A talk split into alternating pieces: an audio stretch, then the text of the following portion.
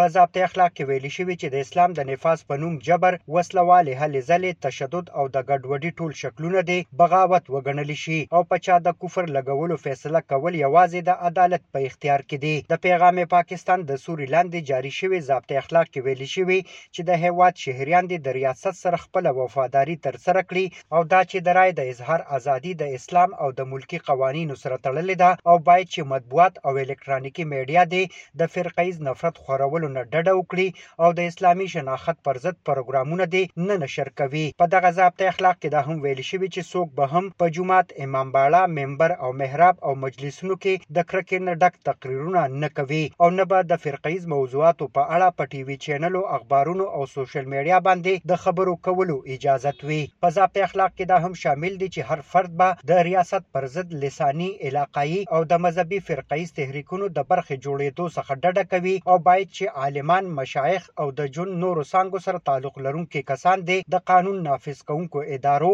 او وسله بند ځواکونو سره پوره ملاتړ وکړي چې داسې د ټولنې څخه د تشدد خاتمه وشي. په دغه کانفرنس کې موجود د پاکستان د وزیراعظم عمران خان د مذهبي هم اهنګۍ مشیر حافظ طاهر اشرفي وایس اف امریکا ډیوه ته وايي، په دې کې یوه خبره دا هم شامل ده چې څوک په هم د بل د عقیدې سپکاوی نه کوي او که څوک داسې کوي نو د ټول مکاتف فکر مشران به د هغه څخه د برائت اگر کوئی کہتا ہے کہ پاکستان کو توڑ کر پختونستان بنایا جائے سندھو دیش بنایا جائے کوئی طالبان کی طرح یہاں کہے کہ ٹی ٹی پی کی طرح وہ اپنی ریاست بنائے تو اس سے مراد یہ ہے پولیٹیکل جماعتیں نہیں ہیں اس سے مراد حافظ طاهر اشرفي وايي چې د لساني او علاقايي ډلو څخه د هغوی مطلب د هېواد مذهبي او قام پرست ګوندونه نه دي، بلکې هغه ډلې دي چې په زور د پښتونستان یا سندو دیش په نوم ځانله ریاست جوړول غواړي او یا د تکلدم تحریک طالبان پاکستان په رنګ ځان لا کټر مذهبي ریاست جوړول غواړي نوموړي دا سپیناوی هم کوي چې د هیواد آئین قرآن او سنت سپریم لا ګرځوي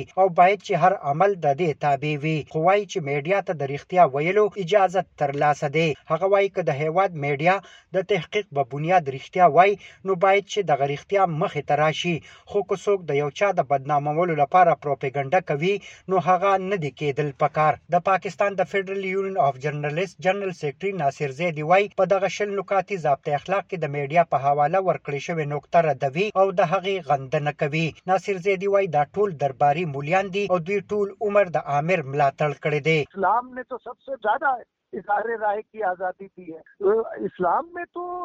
خلیفہ سے بھی کوشچن کرنے کی آزادی ہے تو یہ تو اظہار رائے کی آزادی پہ قدغن لگانے کی بات ہے اور اسے یہ ہمیشہ درباری لوگوں کو استعمال کرتے ہیں حکمران جو ہے هغه وای اسلام د رای په اظهار بندیز نه لګوي او د رښتیا ویلو حکم ورکوي او د اسلام د نن د وخت د خلیفه نه هم د اختنو پختنو اجازت شته په ضابط اخلاق کې دا هم ویل شوی چې اسلام د خزو د حقونو تحفظ باوري کوي او د هغوی د تعلیم روزګار او د ووټ د ورکولو د حق به هم تحفظ کولی شي او باید چې د ټولنې هر فرد دې د خزو د غیرت په نوم د وجلو د قران سره د هغوی د ودونو کولو او د لور خور په بدل کې د ورکولو نه ډډه وکړي په دغه ضابط اخلاق کې دا هم ویل شوی دی چې د پاکستان د غیر مسلم شهریانو حق دی چې د خپل عقیدو مطابق مذهبي رسمونه ترسره کړي او باید چې د شخصي او سرکاري ادارو په نصاب کې د اختلاف رای آداب هم شامل کړې شي.